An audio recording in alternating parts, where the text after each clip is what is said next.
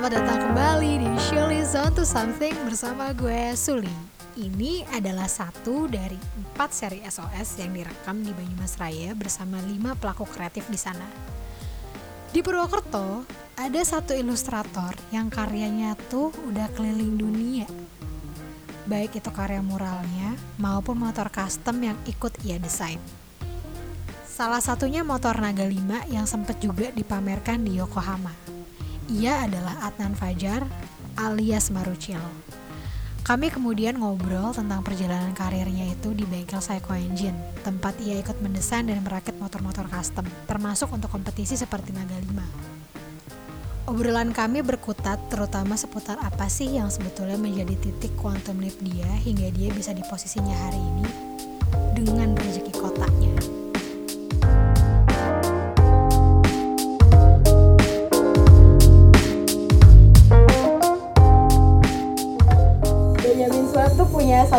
omongan yang cukup populer sampai hari ini yaitu muka kampungan tapi rezeki kota.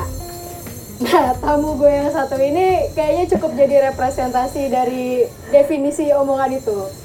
Selamat datang Mas Adan Fajar alias Marucil, Marucil. ilustrator asal Purwokerto yang karyanya sudah melanglang buana ke kota-kota lain, bahkan ke negara-negara lain ya Mas ya. Iya, Salah satunya yang paling oke itu ada di, di spot paling oke di Jakarta, kantor spektakel. oh iya itu bener sih. Itu paling ngehits. paling ngehits. Iya. Itu kamu gambar di sana tuh apa sih mas? Eh, Santuni ya kalau nggak cakil, Oh, itu cakil. cakil sebenarnya. Cakil naik motor. Iya, cakil naik motor. Kenapa cakil? Karena orang naik motor kan helm cakil. Itu nggak pakai helm udah cakil. Oh, gue nggak paham wayang sih mas jadi. Gak apa-apa, gak apa-apa. Cakil, cakil. oh itu cakil. Iya. Nah, bener nggak tadi mas nyambung sama intro gue tentang lo. Eh, soal omongannya Benyamin Sueb tadi. Muka kampungan rezeki kota. Itu kan secara tidak langsung menjadi ini ya gambaran ketimpangan. Ketimpangan bahasa gue berat banget.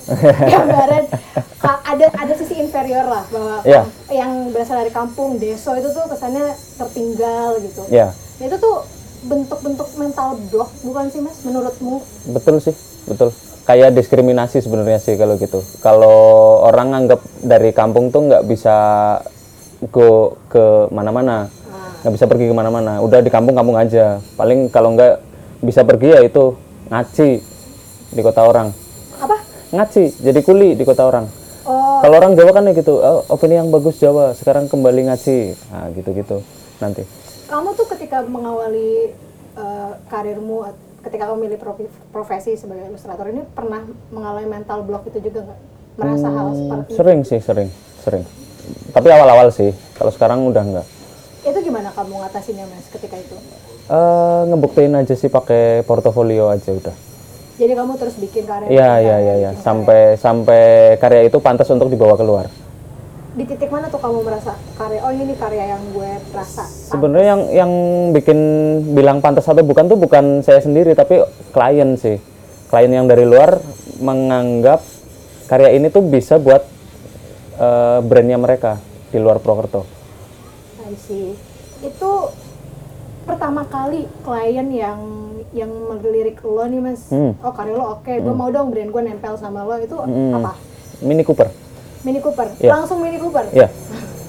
itu proyeknya apa gambarnya apa waktu itu Ilustrasi untuk kalender. Jadi kalender tahun 2015 atau 14 waktu itu itu udah pakai ilustrasi dari aku sama ada teman sa- satu lagi. jadi lo ngisi satu kalender dari awal sampai akhir itu itu gambarnya apa mas Eh, pas waktu itu ada launching mini Countryman sama Cabrio. Jadi aku ngilustrasiin gimana Cabrio itu karakternya lebih ke fun atau gimana. Jadi aku ada ilustrasi tentang karakter mobil itu nanti. oh mobil itu lo interpretasikan lagi Iya, dengan iya, iya, iya, iya. lo Iya. gitu ya Betul.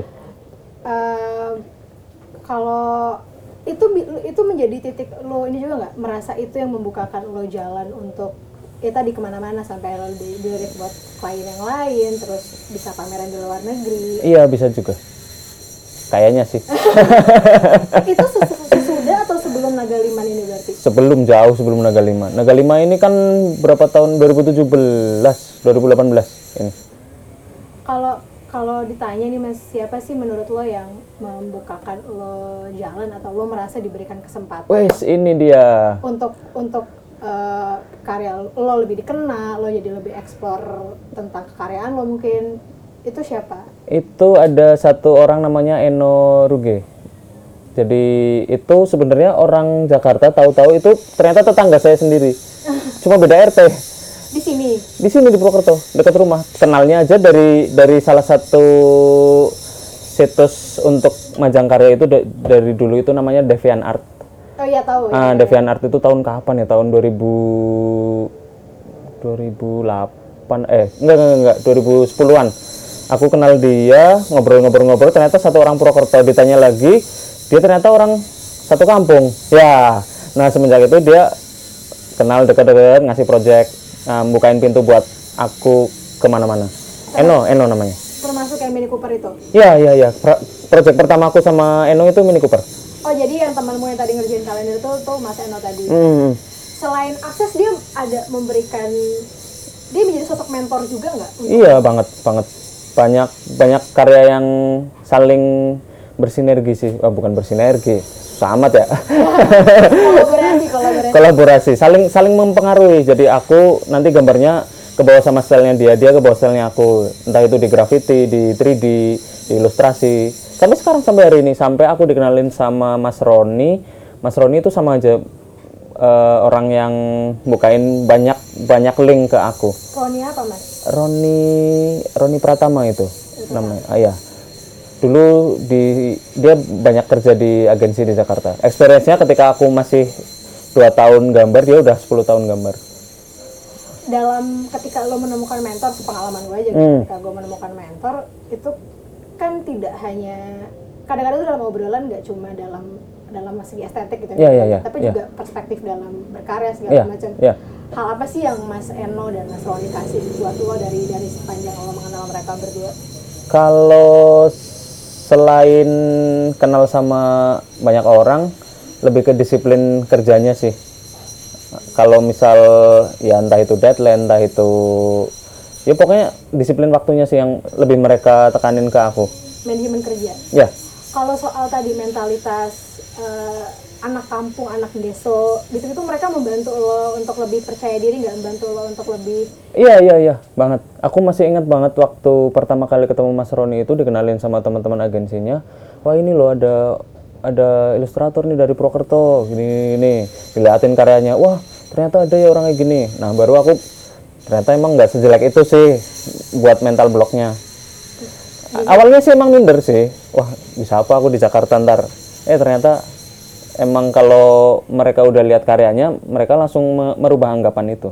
menurut lo itu menjadi ini juga itu menjadi bottleneck banyak pelaku kreatif di kota kecil kayak Purwokerto bahwa kalah sebelum perang gitu loh mas istilahnya Iya iya iya iya iya bisa bisa bisa banget. Makanya mereka nggak pernah nggak pernah stay di sini. pasti ke kota lah Iya iya iya pasti mereka merantau. untuk mencari afirmasi itu Ya pasti pasti. Sebagian besar orang yang tinggal di Purwokerto itu entah itu dari yang punya pendidikan seni di Jogja. Kita bilang kita bilang kota terdekat yang ada kampus desain sama seninya kan Jogja. Nah orang yang balik ke Purwokerto jarang stay di sini. karena tadi karena Iya iya iya. Setelah setelah lulus nggak nggak pada stay di sini. Mereka lebih memilih karena orientasinya udah uang ya kali. Karena mereka nyari uang ya nggak mungkin di kota sendiri. Selain itu ya mungkin kerasanya wah apaan sih aku udah sarjana seni gini gini gini.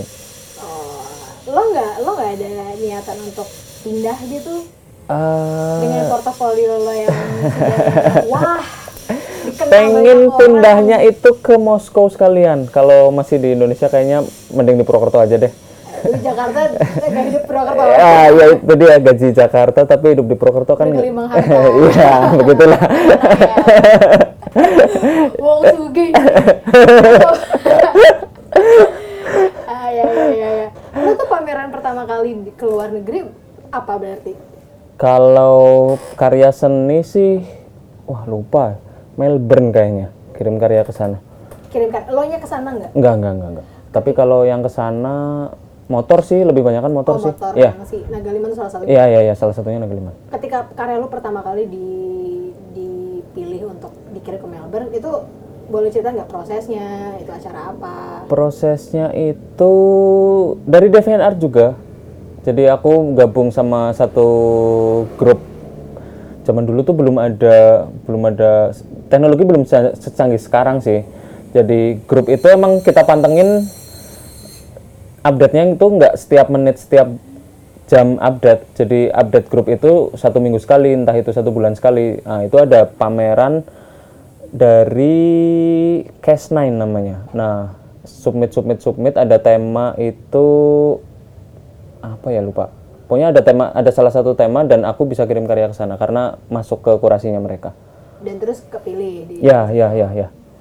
Tadi lu cerita lu ketemu Mas Roni di DeviantArt terus Eh, ini Eno, Pak- Eno, Eno Eh, Eno, Eno, ketemu. Iya. Mas Eno di Iya. DeviantArt terus juga lo eh, pertama kali pameran itu hasil kurasi dari DeviantArt ya berarti sebetulnya teknologi itu kan kadang-kadang gini pelaku-pelaku kreatif di kota-kota kecil misalnya kayak Purwokerto argumennya adalah ya kami kurang akses gitu ya ya ya ya tapi ya. berarti sebetulnya itu udah bisa ke bypass dari teknologi nggak sih? betul betul betul Seenggaknya dalam pengalaman lo ya Iya, iya. Bisa, bisa sebenarnya buka portal ke mana aja bisa. Tinggal kita mau mau nyoba melangkah atau enggak. Kalau males ya tetap aja di situ-situ aja. ini Mario Teguh sekali ya ini Iya. Kiat sukses ala Marucil ala. Ala. buat buat ini buat judul nantinya Iya, iya. Buat buku ntar. biografi itu pas lo pertama kali karya lo dikirim ke sana terus dipamerinnya offline kan berarti Iya, offline. di galeri Offline. gitu kan Offline. itu gimana mas perasaan lo lo di Purwokerto nih Iya, iya. gimana kota kecil tapi karya lo udah ada di fucking Australia gitu Iya, iya, iya. Buat sombong aja sih, buat sama teman-teman yang itu. Wah, udah bisa nih ke Australia padahal ya pusing juga ngirimnya. Mahal dulu. berapa sih waktu itu berapa ya? Satu karya A2 itu sekitar 400 atau 500 ribu. Ngirimnya doang? Mm-mm, itu udah ada berapa karya berarti? Satu satu karya doang Satu satu karya karya, doang. berapa lama dipamerinnya? Satu minggu sih. Satu minggu. Res, responsnya setelah berpameran di situ kalau ada nggak? Enggak sih enggak sih. Karena dulu emang emang cuma buat gaya-gayaan doang. Dari dari situ terus ke pameran berikutnya ke luar negeri tuh jauh? Jauh jauh banget. Berapa tahun? mas gapnya sekitar 7 atau 8 tahun 9 tahun malah. Kalau yang kedua itu itu gimana ceritanya? Udah langsung ke motor sih kalau itu. ah, langsung ke motor. Karena aku aplikasi ke media lain terus jadinya lebih mungkin karena fresh media ya eh, media yang baru orang lebih berminat. Oh ternyata bisa nih eh, gambar itu diaplikasi ke motor ke mana nggak cuma di lukisan. Gak cuma di dua dimensi sih iya iya iya iya. Tembok, iya segala macam. iya itu lu tuh emang tertarik sama motor ya berarti? Aku udah mainan motor berarti semenjak SMA kelas 2 oke tapi terus baru ngulik yang macam-macam Hmm. pas udah berada. Ya dikenalin ya nggak ngerti jalan jalan hidupnya kan pasti heavy rotation kan entah itu ke sini ke sana ke sini ke sana. Dan akhirnya bermuara eh, bermuara nggak. Akhirnya stay di Seiko Engine itu karena karena aku upgrade motor jadi aku mengenal banyak hal di Seiko Engine karena itu. Termasuk sih kalau itu juga titik di mana lo diajak bikin naga liman bukan? Iya iya iya iya. Tapi setelah dua tahun atau tiga tahun setelah aku gabung di Seiko Engine. Naga liman sendiri itu prosesnya gimana mas? Lo brainstorming sama Mas Yusuf. Mas Yusuf. Ya, Mas Yusuf selaku yang punya Seiko Engine kan dia emang engineer. Jadi engineer itu emang kurang kurang menguasai bagian estetik. Ya, jadi semenjak itu banyak banyak brainstorming untuk menjadikan satu motor itu ya panjang prosesnya. Apalagi ada acara dulu bengkel kebakaran, ada harus balikin motor yang kebakaran. Nah, itu dia. Yang yang bikin projectnya suka dukanya itu kayak gitu. berarti lo tuh ngebantuin ngedesain gak cuma lo nempelin gambar tapi Iya, juga iya, desain motornya Iya, iya, iya. secara Iya. keseluruhan Ya. Apa perbedaan dalam lo mendesain motor dan lo bikin karya ngecat aja Kalau karya untuk printing, kita ngomong karya untuk printing ya. Sebelumnya kan aku emang kerjanya kan di di dua dimensi karena kebutuhannya printing, entah itu printing baju, printing di uh, billboard. Kalau billboard itu sekedar memanjakan mata aja sih. Ketika orang bilang ada pesan yang disampaikan misal untuk iklan, iklannya disampaikan ke orang, itu udah selesai ketika nih ketika message-nya. ah message-nya udah sampai. Tapi ketika motor nanti ada scrutinering pas lagi masuk ke area kontes itu nggak layak jalan nggak nyaman dinaikin remnya nggak ada terus eh, estetiknya nggak bagus itu PR-nya lebih banyak lagi. Karena kombinasinya lebih banyak di dijadiin satu motor. Itu nanti prosesnya lebih panjang. Berarti itu ini ya art art meet science eh. ya seperti itu. Katanya katanya. lebih, iya, iya. katanya gitu. Biar gaya lah iya iya iya. Ngomong-ngomong soal keluar negeri go international itu kan jadi ini ya jadi mimpi banyak banyak orang kalangan Indonesia banyak kalangan. Banyak kalangan. Bahkan ada artis cilik yang pengen udah menyuarakan ingin go international dari kecil. Waduh berat sekali itu. Itu tuh jadi mimpi lo juga gak sih dulu pernah jadi mimpi lo atau lo tidak berani bermimpi itu karena tadi lo sempat minder punya Iya iya iya iya sempat minder kayak gitu. Ah mana mungkin sih bisa. Tapi emang jalan hidup kan siapa yang tahu kan. Kalau minder pasti karena ya bisa apa sih orang di daerah tuh pasti sampai hari ini pun masih ada diskriminasi kok di itu. kayak gimana bentuknya tuh mas eh kalau di dunia permotoran kalau misal kota gede ya udah Jakarta, Jogja, Semarang, Bandung, terus Surabaya udah. Selain itu ya nggak nggak dilihat. Baru-baru sekarang ini baru baru bisa dilihat. Oh ternyata di kota-kota kecil kayak nanti di Purwokerto ada Seiko Engine, terus di di Jawa Timur itu ada Enggal Modified itu sama sama aja mereka serem-serem semua itu skillnya nggak dilihatnya dalam arti ketika pamer ketika pameran gak diajak atau kalau pameran kan bukan sistemnya diajak sih. Kalau ini lebih ke submission kalau pameran. Kalau pameran motor itu lebih ke submission sih.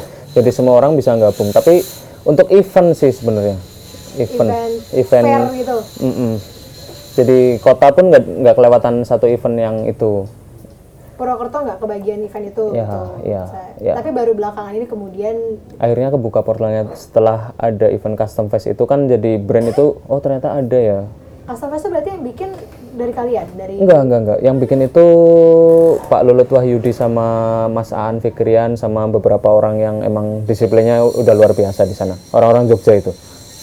Tapi mereka mampir ke Purwokerto waktu ya mereka emang kenal deket sama Seiko Engine emang kenal baik. Oh saya kok anjing yang diajak ke ya custom fest di ya Jakarta. ya begitu. Dari situ baru mulai orang ngeliat oh ada nih ternyata di kota kecil tuh. Mm. sebelumnya ya orang nggak pernah tahu ada ada banyak seniman di kota-kota kecil. menurut lo dengan kan berarti ekspektasi orang cukup bukan rendah sih kan kalian underdog nih berarti ya, kan Ya. tidak di tidak dipandang itu sebuah keuntungan atau sebuah kerugian sih sebetulnya Kalau keuntungan ya ada keuntungannya. Pasti kan kita kalau ketika di dipandang nggak ada, kita punya punya waktu banyak untuk explore. Ketika kita dewasin kan kita nggak nggak nggak bebas bergerak. Nanti wah baru baru aja bikin mesin langsung ada komentar komentar komentar. Nggak enaknya di situ sih. Cuma iya ada plus minusnya. Minusnya tadi jadinya Iya. minder kurang akses Mm, kurang mm, kota, mm. segala Iya, macam. awalnya gitu. Nah, ke- eh, menurut lo ketika lo karya jadi ketika karya lo dipamerkan di luar negeri atau tadi dikurasi iya, iya. dipamerkan Iya. menurut lo itu sama nggak sih dengan dengan diakui publik internasional Ya sama aja sih sebenarnya. Karena zaman dulu emang emang zamannya belum belum era sosmed kayak sekarang jadi jadi apa ya pengakuan publiknya itu nggak sekencang sekarang. Nah, kalau dulu ya ya mungkin karena kalangannya kalangan kalangan kalangan desainer sama ilustrator sama seniman itu terbatas ya paling ya orang-orang itu aja yang apresiasi sama audiens yang datang ke pameran udah. dengan media sosial lo merasa pengakuan publik itu datang lebih lebih lebih kebaca ya lebih publik itu lebih gampang ngejudge orang sih karena dari sosmednya. Menguntungkan nggak buat lo medsos? Ya menguntungkan karena ibarat kita tuh punya etalase di situ. Apa yang kita jual ya kita pajang di situ. Jadi medsos lo tuh jualan lo lah ya? Branding aja sih branding iya. aja. Branding biar kelihatan bukan anak baik-baik aja sih. Aslinya anak baik-baik berarti Oh enggak, enggak jelas. Ini sama aja sih sebenarnya. Branding sama aslinya sama aja. balik ke tadi Mas Eno dikit Hmm. soal Mas Eno dia kan ngajarin lo disiplin kerja segala macam termasuk aspek bisnis dari profesi lo nggak iya. Iya. evaluasi karya tuh Iya. seperti apa Iya, iya, iya. Termasuk penentuan harga dari deadline. Terus untuk untuk apa ya? Yang lain itu sebenarnya skill sih yang banyak dia omongin sama aku bukan ke jualan karyanya, tapi karyanya itu ketika skillnya udah ada, eh, klien itu datang sendiri. dalam hal valuasi harga pasti kan lu pas pertama mulai agak bodoh kan maksudnya nggak nggak Bodoh banget malah. Iya kan, Iya, bodoh banget ini- malah nggak tahu apa-apa malah. ini mau Harus- dihargain berapa nilainya gitu Iya, iya, iya, pasti. pesan apa ada pesan-pesan nggak dari Mas Eno kayak lo tuh ngehargain karya lo tuh begini gitu Sampai hari ini pun aku masih tanya sama dia kok ketika ada klien datang. Oke jadi lo masih datang ke dia untuk Iya, iya, iya. pantas nggak nih di Iya iya iya iya gitu. Karena dia yang lebih ngerti, dia experience-nya lebih banyak sama aku dan aku masih hari sampai hari ini pun aku masih berguru sama dia. masih masih memandang sebagai mentor lo ya? Iya iya. lo kalau di, ditembak nih misalnya tempat ini cakep nih terus terus lo, lo, lo hargain berapa cara lo ngukurnya gimana mas Dari apa ya kalau kalau mural sih udah gampang ya penentuan karyanya karena di sini udah ada yang ngajarin tentang ngitung jasa sama material itu lebih gampang. Tapi ketika nanti lukisan itu yang udah versi kanvas atau versi printing itu lebih susah sih cara penentuan harganya. dan lo belum bisa ajak tuh Belum bisa, belum bisa, berapa. ah, ah. bahkan setelah di titik ini Iya, lo tuh berarti jadi ilustrator profesional berapa lama Eh, sudah berapa tahun 10 tahun.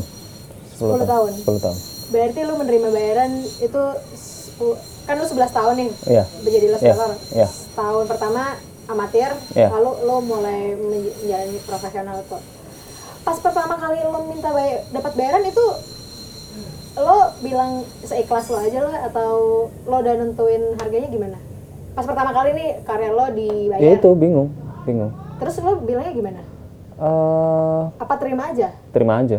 Seberapapun itu Iya, Terus terima lo aja. menyesal nggak menerima cuma segitu sekarang Kalau sekarang sih enggak sih. M- mungkin karena buat pelajaran aja sih, karena emang skillnya masih ecek-ecek banget zaman dulu. Kalau diliatin lagi galerinya yang dulu-dulu ya malu, pasti ketawa lah. ya tapi kan itu karakter development Iya iya iya iya. Iya kalau nggak ada dulu ya nggak ada sekarang. Iya, betul.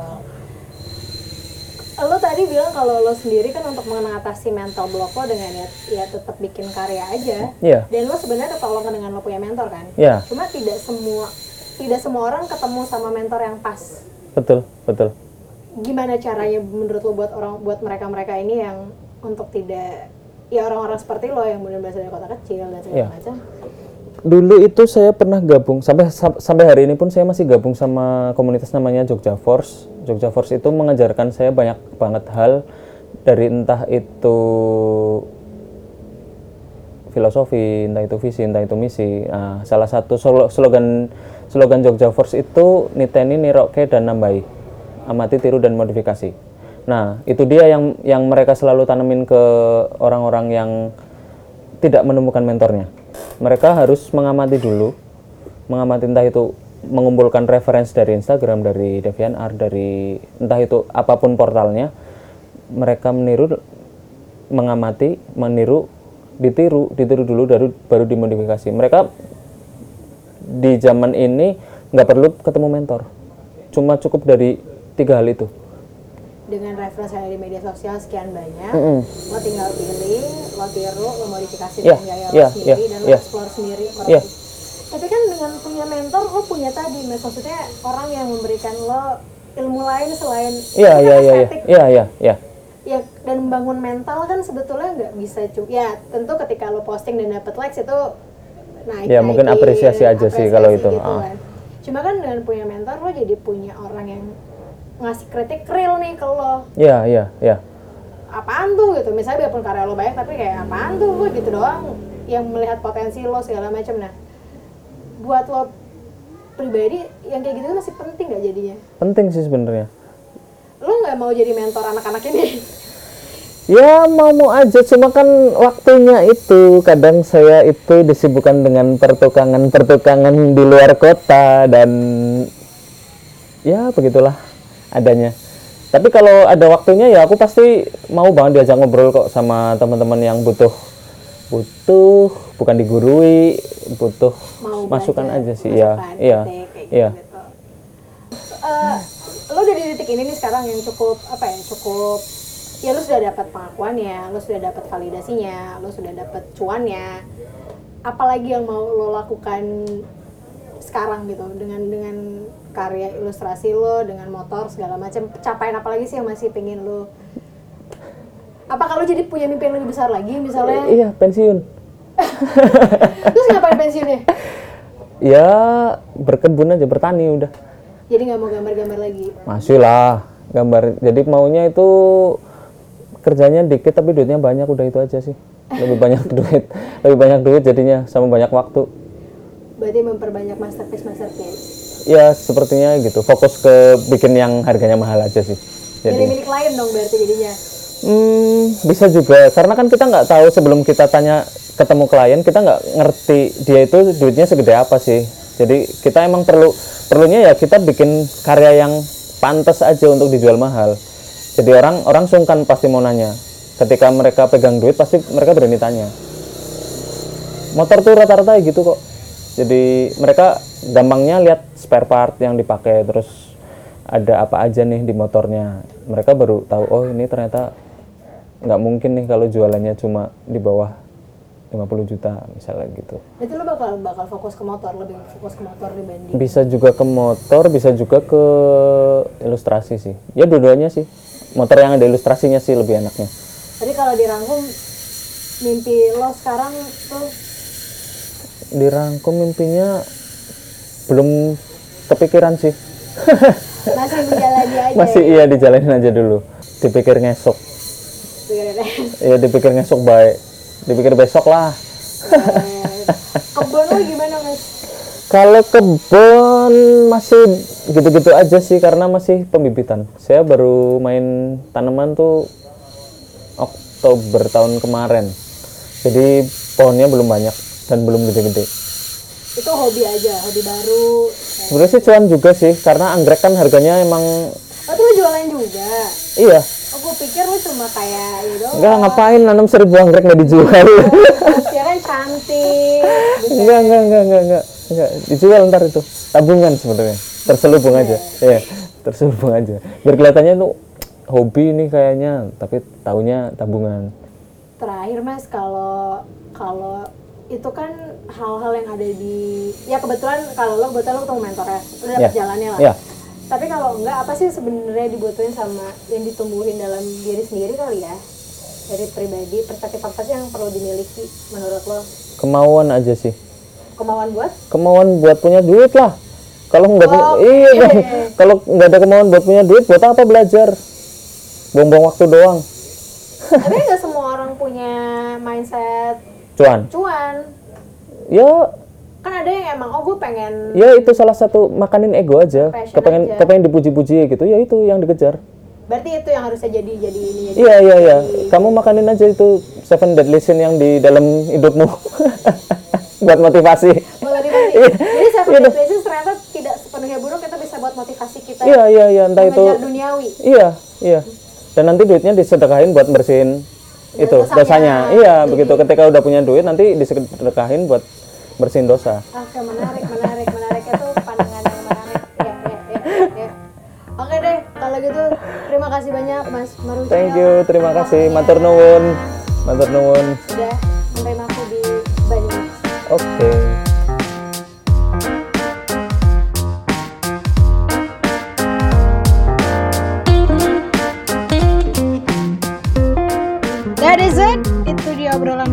bersama Adan Fajar Maruciel, ilustrator lepas profesional yang karyanya bisa kalian semua lihat di Instagram @maruciel atau behance.net slash maruciel.